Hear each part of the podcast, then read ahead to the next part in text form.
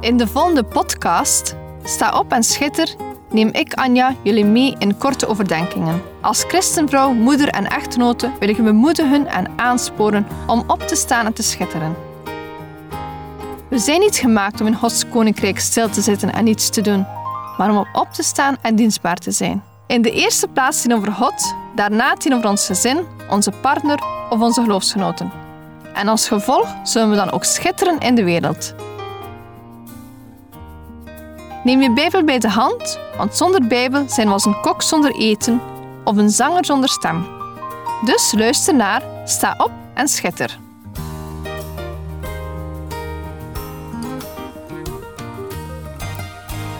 We zijn aan de start van een nieuw jaar. Een nieuw jaar vol nieuwe kansen. Het is voor velen ook een tijd van bezinning. Het vieren van de hoogtepunten en het sluiten van vrede met de dieptepunten van de afgelopen twaalf maanden. Het is misschien ook een geschikt moment om jullie doelen voor het komende jaar te plannen. Elk jaar maken miljoenen mensen plannen en noemen ze de goede voornemens voor het nieuwe jaar. In de hoop een positieve verandering teweeg te brengen. De jaarlijkse terugkerende thema's zijn onder meer gewichtsverlies, meer beweging, stoppen met roken en meer tijd doorbrengen met familie en vrienden. Ondanks de beste bedoelingen hebben veel mensen moeite om hun plannen waar te maken. Volgens een studie, gepubliceerd in het Journal of Clinical Psychology, was slechts 46% van de mensen die goede voornemens hadden gemaakt succesvol. Dat betekent dat meer dan de helft van de mensen die een doel voor het nieuwe jaar hebben gesteld, hierin falen. En ja, ook ik heb nog voornemens gemaakt. En tegen begin februari had ik ze al opgegeven. Dit jaar heb ik bewust geen voornemens genomen, omdat ik bepaald werd door God dat wat ik beloof, ik ook moet doen. Heb jij dit jaar voornemens genomen? Zo ja, dan wens ik je volharding en zegen toe om deze tot een goed einde te brengen. De gewoonte om nieuwjaarsvoornemens te maken gaat meer dan 4000 jaar terug tot de oude Babyloniërs. Aan het begin van het jaar deden de Babyloniërs beloften aan hun goden om geleende spullen terug te brengen. Het had toen nog niets met persoonlijke doelen te maken. Het is eigenlijk wel vreemd dat we bij de start van een nieuw jaar vaak zin krijgen in een nieuwe frisse start. Nochtans is er geen verschil tussen 31 december en 1 januari. Er gebeurt niets mystieks om middernacht. We kunnen eigenlijk iedere dag goede voornemens maken en een nieuwe start. Bij het concept van goede voornemens ga ik wel denken aan de woorden van Jezus. Laat uw ja ja zijn en uw nee nee. Laten we even lezen waarover deze tekst gaat in Matthäus 5, versen 33 tot en met 37. Verder hebt u gehoord dat tegen het voorgeslacht gezegd is: U zult de eed niet breken, maar u zult voor de Heere uw eden houden. Maar ik zeg u, zweer in het geheel niet, niet bij de hemel, want is de troon van God, niet bij de aarde, want dat is de voetbank van zijn voeten, en ook niet bij Jeruzalem, want dat is de stad van de grote koning. Ook bij uw hoofd mag u niet zweren, want u kunt niet één haar wit of zwart maken, maar laat uw woord ja, ja zijn en uw nee, nee. Wat hierboven uitgaat, is uit de boze. Het gaat hier over een eed afleggen. Jezus spreekt hier het hart van de fariseeën en de schriftgeleerden aan. Hij bestraft ze voor hun onbetrouwbare en leugenachtige houding. Ze hadden het idee dat je gerust kon liegen zolang je de naam van God er maar niet bij betrok. De schriftgeleerden leerden dat zolang je God niet rechtstreeks bij je eed betrok, het oké is om iets te beloven dat je misschien niet nakomt.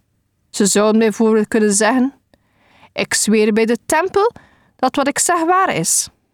De Joden hadden een manier bedacht om de waarheid te manipuleren en het laten klinken alsof ze eerlijk waren zelfs als ze wisten dat ze dat niet waren.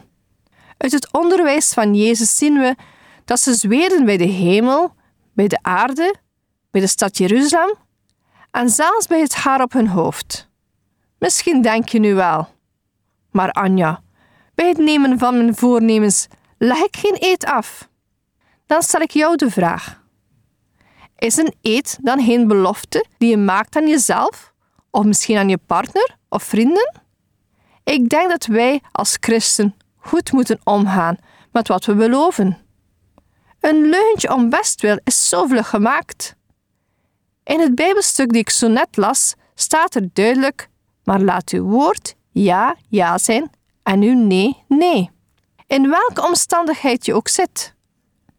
We hebben de opdracht om te wandelen zoals Jezus wandelde. En dit was zeer oprecht.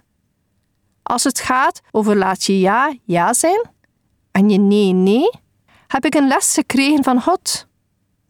Ik ben eigenlijk door God op de vingers getikt, doordat ik wel eens beloofde aan mensen om voor hen te bidden en dit dan niet deed. Ik werd natuurlijk niet letterlijk op mijn vingers getikt, maar hij sprak tot me in mijn gedachten. Een les die ik nooit meer zal vergeten. Mijn verhaal gaat als volgt. Een dame uit de kerk deelde haar nood. Ik luisterde en beloofde dat ik die, week verder voor haar zou bidden. De dagen gingen voorbij en ik nam geen enkel moment de tijd om voor haar te bidden. De volgende zondag kwam ze terug bij mij en bedankte mij voor de gebeden die ik gedaan had. Het ging stukken beter met haar.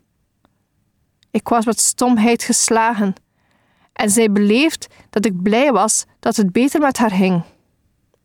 Je kan je wel voorstellen wat er dan allemaal in mijn gedachten speelde. Het stemmetje die mij op de vinger stikte en mij erop wees dat ik niet correct had gehandeld. Ik werd niet verplicht om de woorden te zeggen: Ik ga voor je bidden. Ik had die belofte gemaakt en had die moeten nakomen. Dus zoals het Bijbelvers zegt, laat je ja ja zijn en je nee nee. Dus als het gaat over voornemens van het nieuwe jaar, dan hoop ik dat je er gemaakt hebt die je kan verwezenlijken. Ik besef wel of niet perfect zijn. En als we falen, hebben we God die keer op keer verheeft. Het is wel belangrijk om bewust om te gaan met beloften die we maken, vooral als we die maken naar anderen toe. Als het gaat over beloften maken, dan denk ik ook terug aan mijn kindertijd. Als je een ander iets beloofde, maar je twijfelde of je dit wel kon volbrengen, dan hield je stiekem je vingers gekruist achter je rug. Dan holt je belofte niet. Alleen kon die ander dat niet zien natuurlijk. En dan zei je later: Ja, maar ik had mijn vingers gekruist. En kon je er zo van onderuit komen. Eigenlijk een laffe streek, nu ik er goed over nadenk. Dit is ook wat de Joden deden.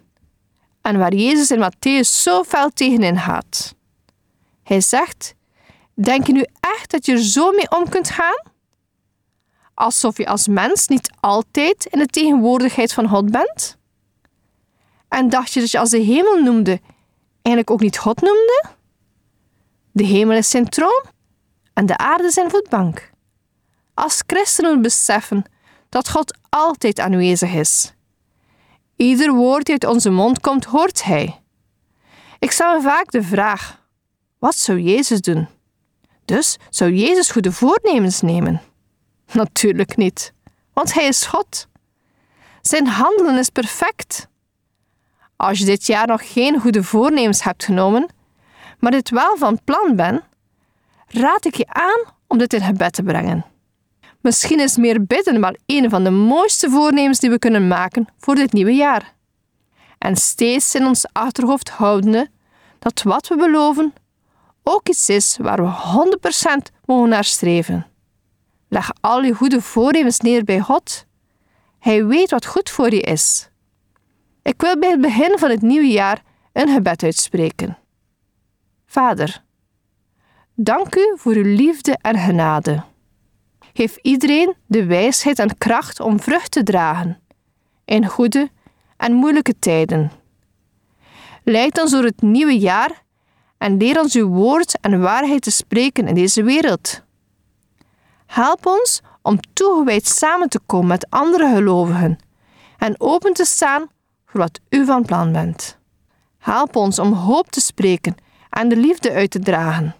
Leer ons om de juiste voornemens te nemen en zo een getuige te zijn in de wereld.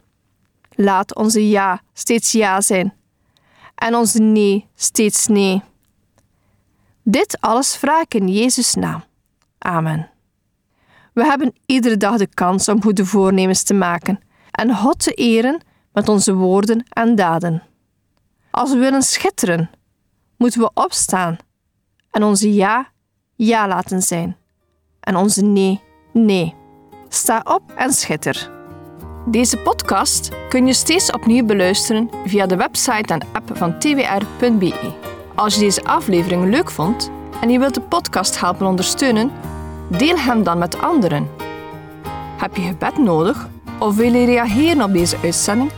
Zend dan gerust een mailtje naar anja.twr.be. Bedankt voor het luisteren.